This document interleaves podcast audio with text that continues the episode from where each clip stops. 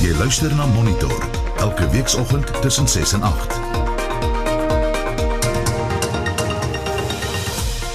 In volgens se program by die Toyota US Woordfees se openbare belangegroep nader die hof om Langebaan strandmeer te red van kommersiële visboerdery.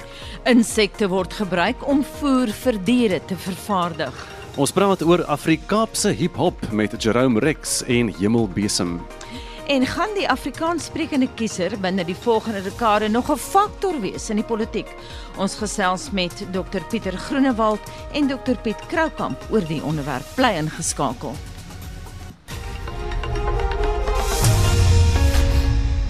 Dis nou byna 10 oor 7. Baie dankie vir uh, die baie vriendelike gaste wat vir ons elke oggend kom kuier by die Woordfees op Stellenbosch.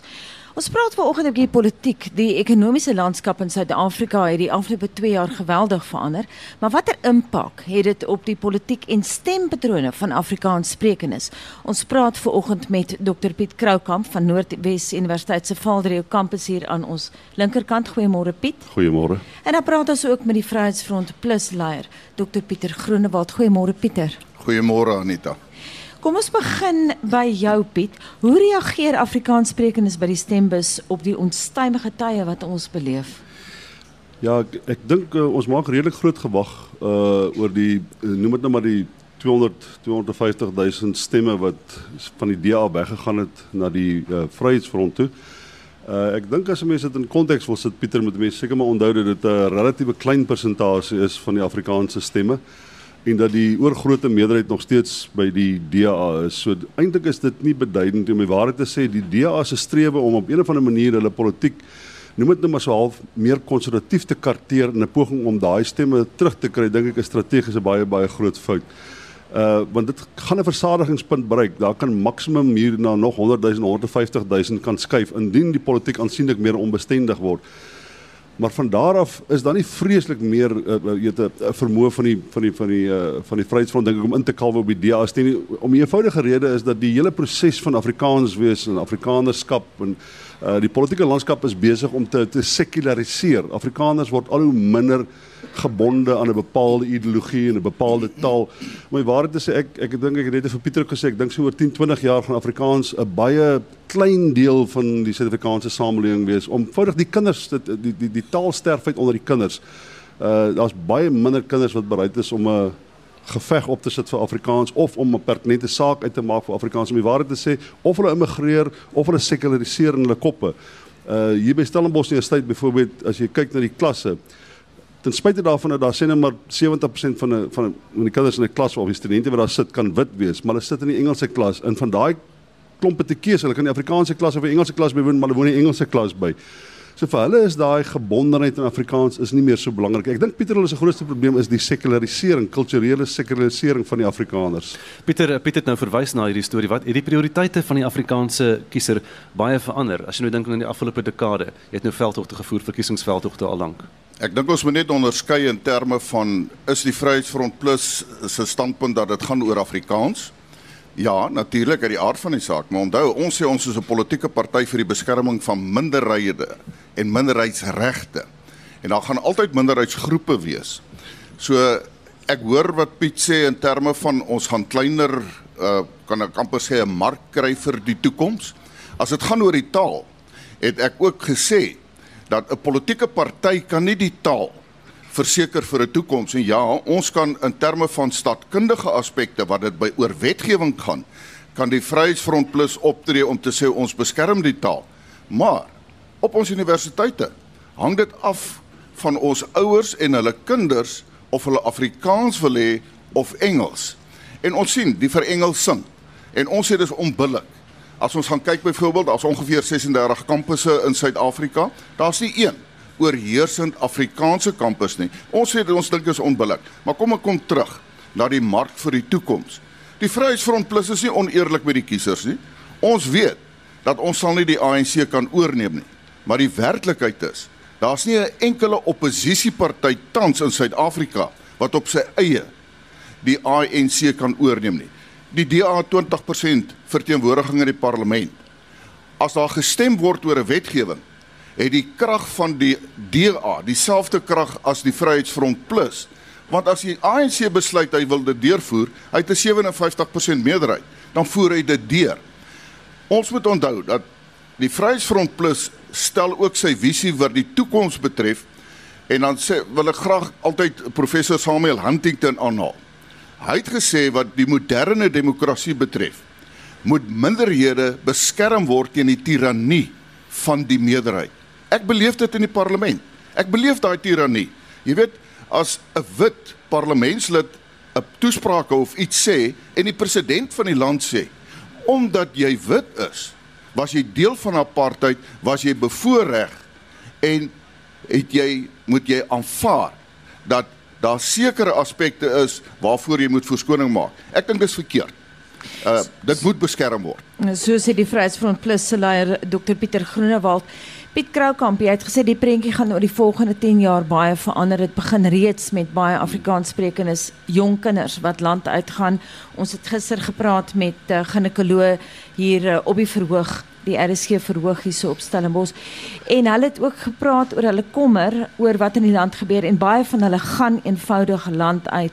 So as jy sê die prentjie gaan oor die volgende 10 jaar baie anders lyk. Hoe gaan daai prentjie lyk in terme van Afrikaanssprekendes? Ja, ek ek, ek dink die Afrikaans gaan nie meer 'n werklike rol speel in die politiek nie en Afrikaners sal uiteindelik ek dink hulle vind nou politieke tuiste as gevolg van die onbestendighede by die Vryheidsfront, 'n klein groepie. En maar die werklikheid daarvan is dat jy kan eintlik net 'n impak maak as deel van 'n groter politieke eenheid dink ek soos Pieter ook gesê het. Maar as jy kyk, mense moet so versigtig wees. Kom ons kyk na die DA byvoorbeeld. Dis nie heeltemal reg dink ek om te sê dat hulle geen impak het of dieselfde impak het as die Vryheidsfront nie omdat hulle ook maar net 'n 20% party is. As jy kyk die die stryd rondom advokaat Mqwebane en ek wil nou nie 'n lanse breek vir die DA nie, verskoon my asseblief as dit so klink. Maar die stryd rondom advokaat Mqwebane is gedryf deur die DA en ek dink hulle het relatiewe sukses. Sy ondermyn haarself natuurlik vinniger as wat hulle hulle dit kan doen, maar sy dit dit dis 'n funksie wat hulle gespeel het. Dan met die grondhervormingsdebat dink ek op die ou end uh Glennis Breitenberg is 'n baie redelike mens om 'n ooreenkoms mee aan te gaan en dit lyk vir my aan en sy sê dit waarskynlik nou ontken as ek dit sê, maar dit lyk vir my asof baie van die regstegniese aspekte wat sy voorgelê het in terme van hoe die grondwet moontlik gewysig of herbehoor kan word om dit wat implisiet is eksplisiet te maak. Ek dink daar was 'n redelike eh, vermoë om ooreenkoms aan te gaan met die DA daar. So ek dink tog daar is hulle speel op tegniese vlakke speel hulle 'n beduidende rol. Terwyl ek dink op 'n ideologiese rol vlak speel jy 'n baie groot rol as die dato Pieter Mulder die die leier van die party was. Daar was geen manier wat julle 200 000 stemme, ek weet nie of jou teen Pieter afspeel nie, maar daar's nie 'n manier wat Pieter 200 000 stemme Afrikaanse stemme na die na die party toe kon bring nie. Dit was belangrik dat iemand soos Pieter het, het dit gesê ook. Dit was belangrik vir baie mense dat hy op 'n stadium sê jy kan my grond vat, maar daar gaan 'n geveg wees. Ek dink daai idee van we have to resist in some other way was belangrik. Piet, ek weet nie of jy gehoor het wat ek gister gehoor het nie, maar ek het en ek moet dit nou op die lig sê. Ek het gehoor hoe sê John Steenhuisen gister vir jou, ons moet bymekaar kom, ons moet praat want hy het met die Mulder broers gepraat. Is daar enige samewerking wat julle dalk aan gedagte het? Wel, die aard van die saak as ons gaan kyk tans op plaaslike regeringsvlak, is daar koalisies, daar's 'n amptelike koalisie ooreenkoms tussen die Vryheidsfront Plus en die Demokratiese Alliansie.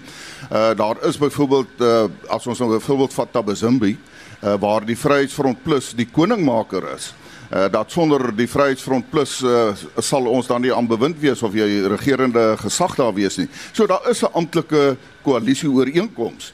En ons is op rekord. Ons het gesê wel ook wat die toekoms betref, uh, sal ons in 'n koalisie gaan met die Demokratiese Alliansie. Ons het gesê ons sal nie met die EFF nie, maar ek het ook gesê ek neem of ek het ernstige beswaar as John Steenhuisen sê dat die Vryheidsfront Plus is 'n ekstremistiese party soos die EFF. Ek het vir hom gesê dat as jy wil koalisies aangaan vir die toekoms, moenie sulke tipe van uitlatings maak nie. En ek het nog 'n voorbeeld gebruik. Ek het gesê dat jy kan nie vir die mense vertel hoe sleg is 'n bepaalde vrou nie en sê sy is eintlik 'n prostituut en oor 'n maand dan vra jy vir haar om met haar verloof te raak nie. Dit is nie hoe dit in die politiek werk nie. En die DA het nog baie om te leer as ons praat hier van koalisies. Hulle moet nie 'n arrogante benadering daartoe hê nie. Ons sê dat die oomblik as jy in 'n koalisie is, dan is jy vennote. Daar moet baie duidelike eh, reëls wees en baie duidelike standpunte wees waar volgens jy dan gaan regeer in daardie spesifieke instelling waar jy ook al is. So ons sal daardie koalisie aangaan. Kan ek net dit sê wat Piet gesê het? Dit is so. Afrikaans, ek hoop dat hy sal meer lewendig word want dit hang van ons mense af. Ek weet ons kinders begin op universiteit wat ek reeds gesê het Engels praat en al die tipe van aspekte. Toe ek byvoorbeeld my doktorsgraad gedoen het by die PIK kampus van die Noordwes Universiteit, was ek aangeraai dit eerder in Engels te doen. Uh, want dan kan dit ook internasionaal gelees word. My uitgangspunt was ek doen dit in Afrikaans en dan vertaal ons dit na Engels toe. Maar daar is wat my betref uh, 'n sekere neiging deesdae om te sê dat as jy dit in Engels doen, uh, dan is daar beter geleenthede vir jou. Ons moet vir mekaar sê weer eens dat die Vryheidsfront Plus die taal is 'n belangrike aspek. Byvoorbeeld soos moedertaalonderrig. Ons sien nou die resultate wat na vore tree. Maar ek dink aspekte waarop die Vryheidsfront Plus wel kampioene is in die politiek is as dit gaan oor regstellende aksie en ook swart ekonomiese bemagtiging waarteen ons ernstige beswaar het.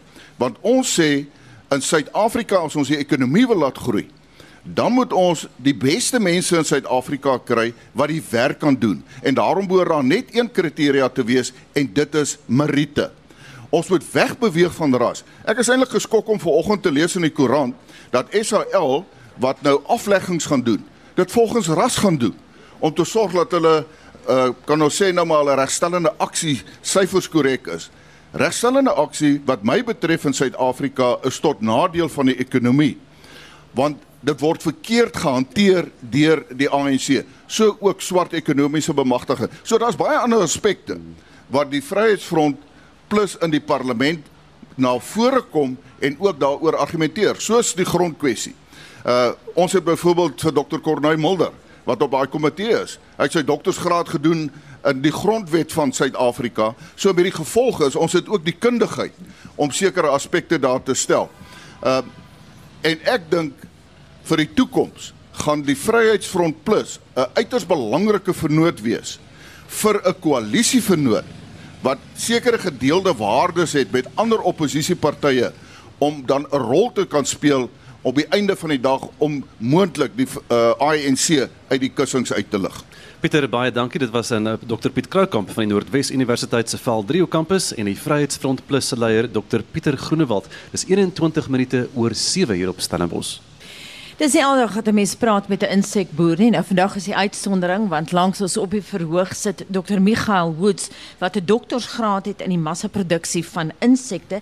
Trouwens Woods is waarskynlik die hoogs gekwalifiseerde insekboer ter wêreld. Michael, goeiemôre en baie welkom. Baie dankie Anita, goeiemôre. Hoe het jy begin belangstel in insekte? So van die jongse ouderdom af het ek hulle passie gehad vir die boerdery, maar ons kom nie van 'n plaas af nie. My ouers het nie geboer nie en dit het my toe gelei om die wetenskap agter die boerdery te gaan swat. En daar het my paai gekruis met um, ehm, Dr. Elsje Pieterse wat basies die ek noem maar die stigtende moeder van die insekmassaproduksie industrie is wat ons dit vandag ken. Al is dit nog 'n baie jong industrie, maar sy het al reeds so 20 jaar terug indien nie meer met hierdie hele projek begin nie. En ehm um, dit het my geprikkel in my nagraadse studies om om iets te doen wat wat relevant is en werklike impak kan maak in ons samelewing van vandag en hoe meer ek gedelf het daarin en hoe dieper ek daarin gekom het, het dit meer aangetrek en en dit het my gebring tot waar ek vandag sit. En met watter insekte boer jy? Tans ehm um, het saam met die universiteit so die innovasie ehm um, tegnologie oordragsbeen ehm um, van die universiteit genaamd Innovus het ons 'n maatskappy gestig met die naam Sesento. Ehm um, hy's geïnkorporeer op Valentynsdag hierdie jaar en Sesento boer met die venstervlieg op hierdie stadium. Daar is verskeie ander ehm um, insekte wat op hierdie stadium gemassa produseer word as ek dit so kan noem of geboer word en hierdie sluit dan in jou krieke en jou meelwurms. Wat maak die venstervlieg ideaal vir jou soort boerdery? Die venstervlieg eerstens is 'n baie ehm um, dit skakel baie ehm um, goed jou organiese afvalle om. Ehm um, so die organiese afval wat wat na jou landvol en so toe gaan, kan dit omskakel in in in 'n baie hoë kwaliteit proteïen. Die venstervlieg in sy volwasse stadium eet ook nie. Ehm um, so hy is nie 'n vektor vir enige siektes nie. Hy kom ook nie in jou huis voor nie. So baie mense dink as jy met vlee boer is dit hierdie hierdie brommer of die huisvlieg. Dis glad geensins die geval nie. Hy lyk meer soos 'n wespe, baie groot, rustige vlieg en uh, daar's baie min mense wat hom al gesien het alhoewel hy op al die ehm um, 'n land vol hope basies rondom Stellenbosch en Suid-Afrika voorkom. En die vlieg maak ekonomies sin sê jy. Dit dit doen dit maak 100% ekonomies sin. Ehm um, die jy het baie min ehm um, spasie nodig om met die vlieg te boer. Ehm um, dit dis basies dieselfde as 'n intensiewe produksiesisteem. Ehm um, ek vergelyk dit baie keer met hoenders. Ehm um, ons noem dit mikro 'n mikrovee en ehm um, presies dieselfde met hoenders. Jy jy het jou jy het jou jy het jou substraat nodig waarmee dit groei. Ehm um, in die geval ons glo dat ons nie noodwendig wil beweeg om die insekte groei op organiese afval wat reeds by die verbruiker was nie, maar ons groei eerder op um jou jou byprodukte van die landbouindustrie soos grane wat wat oorbly na die na die brouery proses, um jou koffieafvalle, jou bakkery afvalle.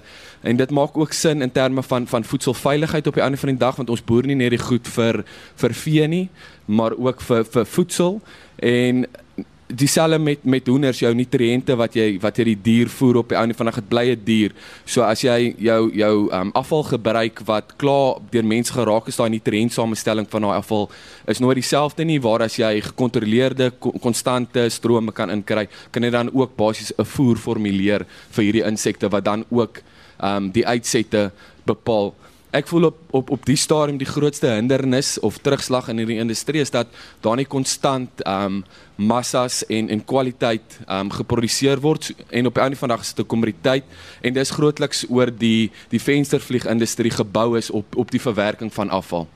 Ons praat veraloggend met 'n insekboer, Dr. Michael Woods.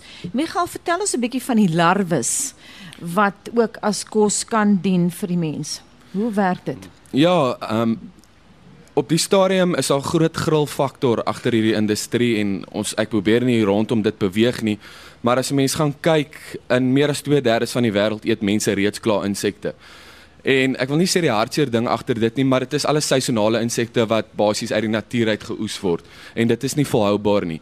So op 'n van die dag moet daar geboer word met die insekte en in die westerse lande waar ons dit nou doen, ek glo altyd jy eet nie 'n bees, horings, pote, hoewe en al nie. So dieselfde met die insekte. Ons het ons het 'n proses ontwikkel ehm um, saam met die Universiteit van Stellenbosch waar ons die larwe basies vat en ons breek hom op in sy drie komponente. So ons skei die die die vet, die proteïen en dan die kitien wat 'n veselagtige deel deel is van die exoskelet um, van die insek. En daai proteïen of of vet kan 'n mens dan gebruik in in in produkte. As so die die proteïen is 'n baie hoë kwaliteit proteïen, baie goeie aminosuursamestelling, baie hoë verteerbaarheid. So dit dit, dit kan enige hoë proteïen um gebak ensovoorts gebruik word. Die vet nou in België het hulle um gebruik in ingebakte as 'n plaasvanger vir botter. So en teen 'n insluitingsvlak van van 50% as jy nou dit dit vervang 50% met die botter kon die verbruiker dit nie eens optel nie. So daar's daar's baie ander aanwendings vir die vir die insek as om hom net so heeltig eet in die westerse lande ook. Mens kan blykbaar selfs melk produseer van 'n larwe af. Hoe doen jy dit en hoe proe so 'n bietjie larwemelk? Dis korrek. Ehm um, daar is 'n 'n maatskappy hier in Suid-Afrika um, met die naam Gourmet Grab en hulle het 'n proses gepatenteer um, om entomilk te maak wat hulle um, genoem. Die prosesse die prosesse proses is gepatenteer so um, ek kan ek kan ook nie te veel ek het kan nie te veel rondom dit sê nie. Maar ja hulle maak lieflike roomhuise en um, as jy die kans kry moet hulle dit definitief proe. Ek wil nou vir jou vrou proe dit?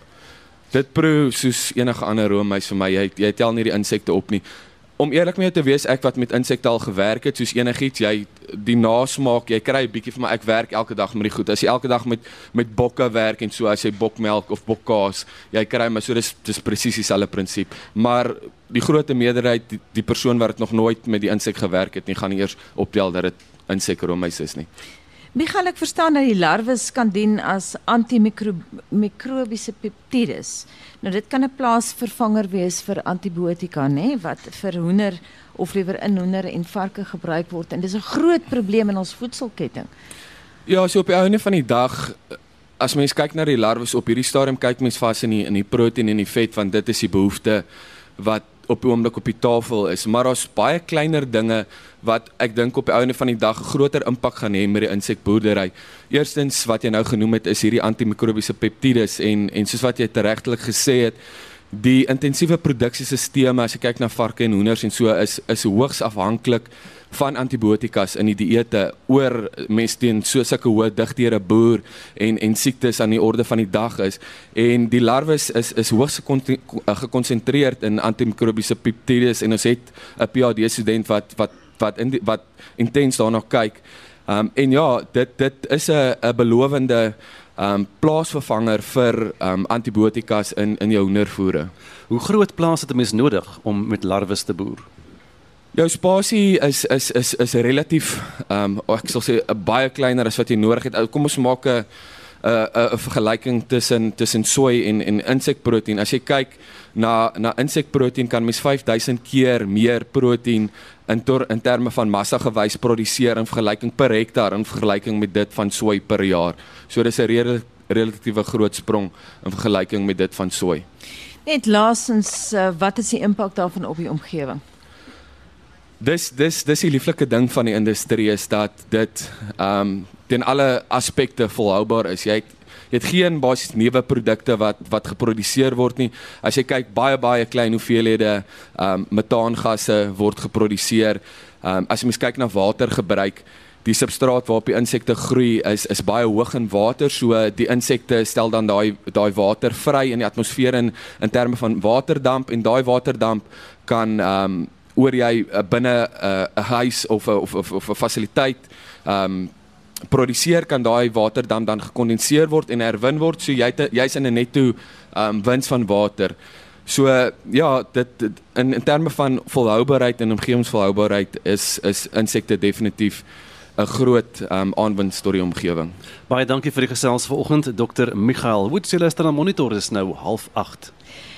Die openbare belangegroep Save Langebaan Lagoon het die Hooggeregshof in Kaapstad genader in 'n poging om Langebaan strandmeer te red van kommersiële visboerdery.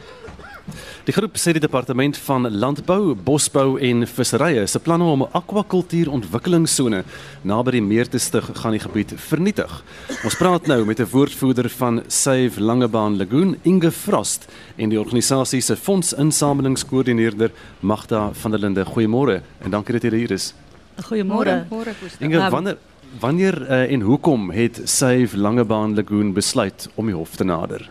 Ehm um, Langebaan uh, Save Langebaan Lagoon is in 2017 deur 'n paar goeie uh, geesdriftige mense um, ge geopen. Um, ons is baie lief vir die lagoon en ons het net uh baie navorsing oor hierdie projek gedoen oor die uh laaste 2 jaar en ons het toe besef dat die regering en industrie um, net die die uh lagoon gaan uitbuit vir finansiële um, doeleindes. Ek moet net om verskoning vra vir my Afrikaans. Ek is eintlik Engels, so elke nou en dan sal ek maar net in Engels praat as dit makliker is vir ja, my. Dis pik fyn. Waar presies gaan hierdie akwakultuur ontwikkelde sone geleë wees? Wat is die omtrek daarvan? Ehm um, die sone bevat uh die hele omtrek is 884 hektaar. Daar is vier sones, ehm um, twee van hulle is buite die baai geleë, eene langs Melgas eiland en eene langs ehm um, dat is um, die ander eiland. En dan is daar een sone in klein baai, dis nou in Saldanha en die grootste deel um, van, van 409 hektaar lê 1 km net uh, buite Club Mykonos in Paradise Beach. En dis nou die deel waarvoor ons um, we are opposing. Hmm. Magda, wat is die ekologiese impak van moontlike kommersiële boerdery op die strandmeer? Gustaf, ek is nie baie tegnies betrokke by hierdie projek nie, maar ehm um, ehm um, die voorbeeld wat hom heidaglik in Saldanha afspeel, kan ons verseker weet gaan om herhaal in Langebaan Lagoon. Daar's geen direkte uitvloei van die gety soos met die invloei wat ehm um, van die van die um, mond af inkom nie. So hierdie hierdie sluk en alle afval sal verseker vasgevang word in Langebaan se lagoon ehm um, veral by Kraalbaai. En dan nog 'n kommer is die volhoubaarheid ehm um, van onderhoud. Ehm um, daar's reeds 'n groot toename in robbe en robbe weet ons almal lok haie. En ehm um, Ehm um, trout word ook reeds gevang in in die lagoon wat nooit daar was nie. So dis nou al reeds net met 8 hokke wat as ehm um, ehm um, uh, toets neergesit word. So ons het al reeds die probleem van visse wat ehm um, ontsnap uit die hokke uit. Ehm um, so ja, ons het baie groot rede tot kommer, maar ehm um, Inge kan meer tegnies verduidelik wat die ehm um, wat die impak van van dit kan. Um, I'm just going to mention this part in English. Yeah.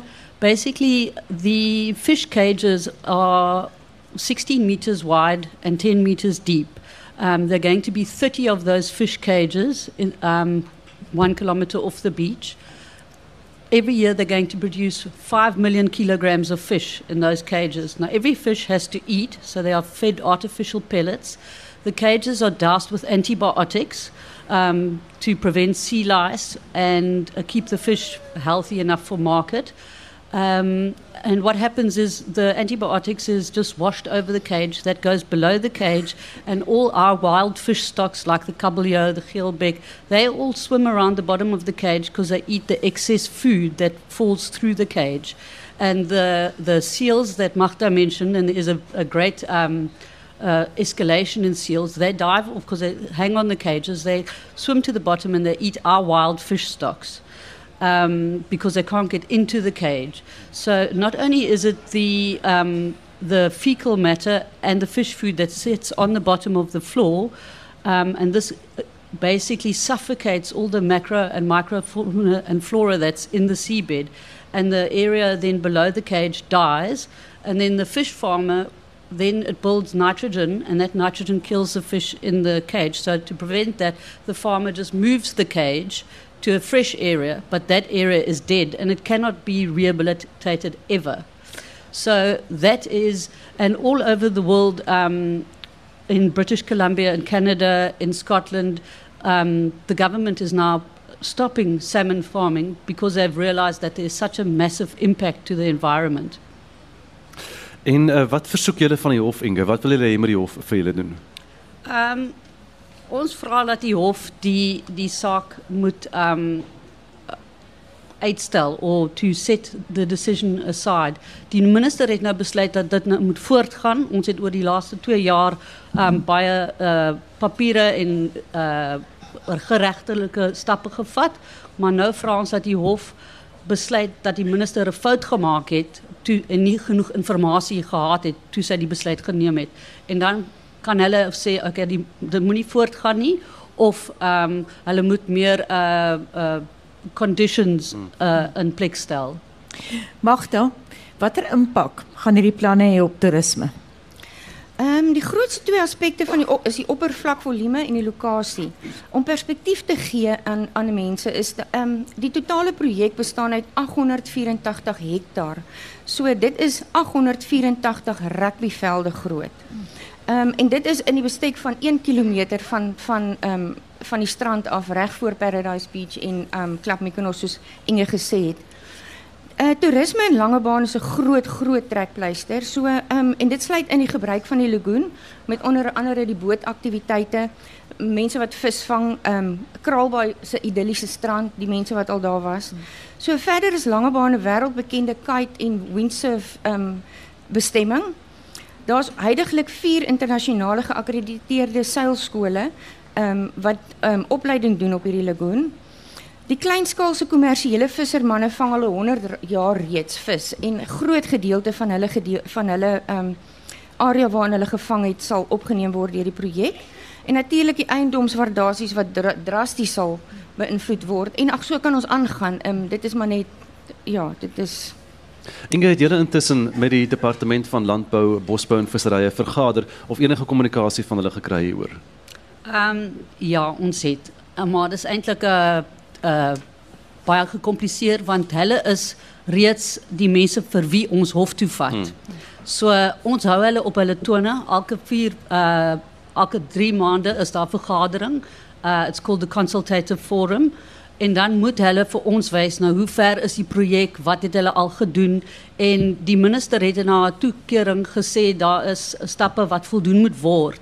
En dan vra ons by elke en ons sê ons uh, stuur baie e-mails en vra hoe ver is dit het julle dit al gedoen en hulle raak nogals baie kwaad met ons en ons het die projek nou al omtrent 3 jaar uitgestel. Laat dit langer duur anders sou hulle al lank al begin het.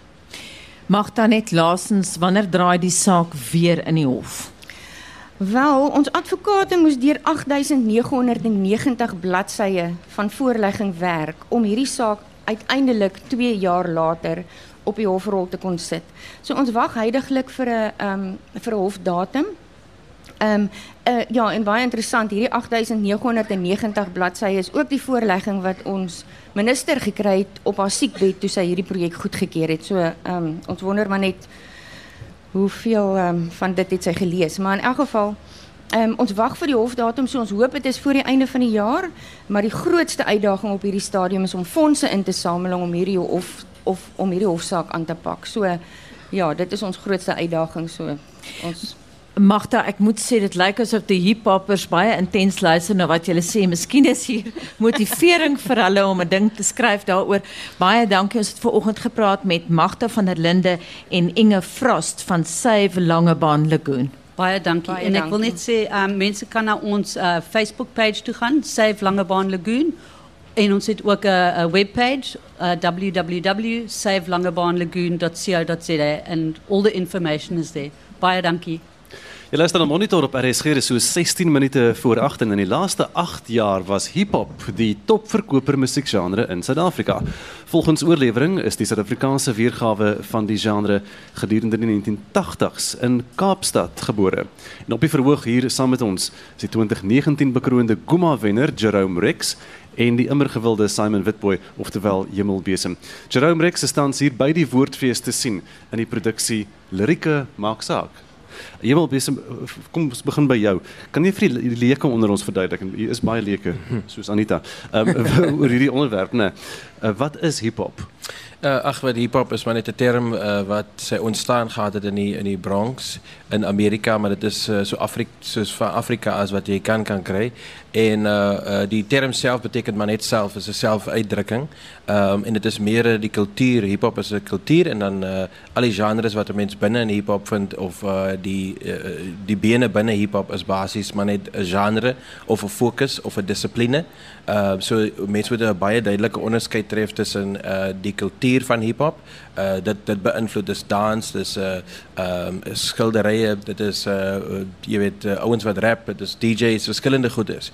Uh maar dan soos jy net een komponentie, maar al hierdie komponente saam kan die genre uh, die kultuur beïnvloed of kan die kultuur behels maar uh, maar dit is ook 'n uh, kultuur op sy eie. Jy hoef nie deel te neem aan enige van die dissipline nie.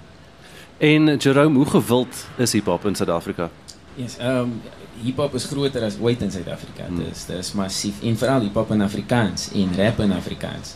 Um as 'n musiekgenre nou is Ja. ja. dis massief. So veral hier in die Weskaap, um, ek praat nou uit my eie geweste uit en my omgewing, maar eh, so Simon genoem het, die verskillende bene nou verskeie bene van hip-hop kultuur breakdance, graffiti, DJ, rap, dit wat ons nou doen. Dit is als ontsettend baie gewild. Ek weet van klein kindertjies wat dit beoefen van kleins af op skool. Daar's juist programme eh, wat eh, daarop ingestel is om jong kinders in te trek en om te leer van die kultuur en om hulle betrokke te kry. Jerome, wat van middeljariges? Is daar middeljariges wat belangstel in hip-hop? Wel, jy sal eintlik verbaas wees want ek self uh, is seker maar 'n middeljarig. ek is nou 39. Ehm um, hiphop uh, juis omdat dit ontstaan het in die vroeë 80er jare is baie van die ouens wat in die begin aanvanklik betrokke was in die kultuur en die uitbreiding daarvan uh en verlief geraak het op die musieksoort. Hulle luister vandag nog steeds hiphop en hulle beoefen nog steeds daardie daardie fasette van die kultuur self. Ja, en ek moet ek moet byvoeg daar. Ek het 'n uh, paar weke terug toe 'n uh, 'n blanke tannie, sy's uh, 65. Hmm. Het dus 'n paar liedere opgeneem, hip-hop, sy wil dit graag probeer. Uh natuurlik 'n hele ander aanslag en 'n fokus en 'n en 'n idee en opinies wat gedeel word, maar dit is nodig. Uh dis die mooi ding van hip-hop uh, en van veral van rymklets. Dit is nie altyd reg wat gesê word nie, maar dis altyd opreg. En dan sê seker die enigste genre nog ehm um, waar jy dit sal kry binne Suid-Afrika. Uh ek dink enigste ander genre wat daarmee kan kompeteer in die uh, universeel dan of globaal is dalk uh, goed soos soos country of blues waar mense eerlike goed sê uh, net soos dit op hart op die mou basis dra. Ek sou ja. ek sou graag wil sê jammer hoe in hierdie geval. Nee. Ek sou graag wil sien dat hip hop dan dieselfde erkenning kry as soos jy nou sê country en blues en dis meer. DJ Reddy D seker die voorstander van hip hop, jy weet een van die een van die um founders daarvan. Hy is nou 51, jy weet en en is meer betrokke as ooit in die kultuur en in die uitbreiding daarvan. So ek sou baie graag 'n uh, tyd wil sien waar ons nie meer uh, op sy ouderdom skaal nie, jy weet 'n ou wat 'n blues sanger, 'n country musikant, jy vra nie hoe oud is hy nie, jy vra nie luister hy nog musiek of maak hy nog musiek nie. En uh, ons Ricardo, ons klankingenieur sê nou net in my oor gehoorstuk, hulle noem hom die Grand Master. Dis korrek, Grand Master ja, DJ en, Ja, en hoe hy dit gekry het is ook dat uh, ouens van Amerika moes oorkom mm. en hom basies genait het as die Grand Master sonder die erkenning wat hy hier gekry het. Mm. So, uh, is nie dat uh, dat Afrikaanse hiphop die grootste uh, sales gehad het die laaste klomp jare nie. Dis hiphop in Suid-Afrika. Mens moet 'n onderskeid tref tussen die Engels en al die ander tale. Afrikaans is die stiefkind wanneer dit kom by by hiphop in die genre. Jy sal nie enige van ons ouens sien op daardie platforms, het dit is 'n uh, televisie of enige media tradisioneel uh, of digitaal. Jy sal dit nie sien nie, ook jy hulle verhoor nie. Ehm uh, maar daai ouens is wat die manne wat wat die stadions vol maak en al hierdie goeders. Ehm uh, maar uh, uh, even nou ons soos Ready D word nie noodwendig erken vir wie hy was en wat hy gedoen het. Uh, en 'n lekker ding vir my altyd is om te weet dat uh, hip-hop in Afrika het sy ontstaan gekry in 'n Afrikaanse brein in die distrik 6. Hmm. En hulle moes hulle Engels uitdruk want dit was 'n uh, rebels uitheid. Nou Jerome die titel van julle vertoning hierso is lirieke maak saak. Hoekom is lirieke so belangrik in hierdie genre? Wel, ehm um, lirieke is is dis eintlik as ons nou kyk na die betekenis van hip hop en die ontstaan van hip hop, dit dit gaan oor kennis, hip is is kennis, to know, hop is 'n beweging, so dit gaan oor kennis te hê en ook daardie kennis uit te leef en uit te beeld en toe te pas. So 'n um, 'n groot fondasie van hip hop kultuur en van rap ook is om van jouself bewus te wees om knowledge of self te hê soos hulle dit noem en jy druk dit uit deur jou lirieke en deur slim te wees op die manier wat jy goed sê uh, so dis dis kardinaal eintlik as jy 'n lirieke skrywer is as jy 'n rapper is as jy jou eie lirieke skryf dat jy jou eie kennis, jou eie vernuf dan tentoonstel uh, deur uh, slim lirieke te skryf of of of musiek met 'n boodskap te maak. Net miskien 'n laaste vraag voordat jy vir ons 'n bietjie wys wat jy kan doen. Watter rol speel Afrikaans as taal in hiphop? Julle kan maar albei hierdie antwoord. Ja, Afrikaans is taal, uh, my opinie. Uh, dit is ook, je kan het noemen als een variant, want Afrikaans uh, op zichzelf uh, was nog nooit inclusief. So Afrikaans of die, die idee van Kaaps praat, en het klinkt zo so, uh, andersoortig als die Afrikaans wat gestandaardiseerd is. Uh, natuurlijk speelt het een rol, maar daar is net zo'n so groot rol wat Namakoland speelt, net zo'n so groot rol wat Loat speelt in, uh, in Kimberley. En uh, je weet, voor die laatste vier jaar moet je jezelf afvragen wie die meeste invloed gehad in Afrikaans in die in die in die volksmond in terme van die groei van die taal.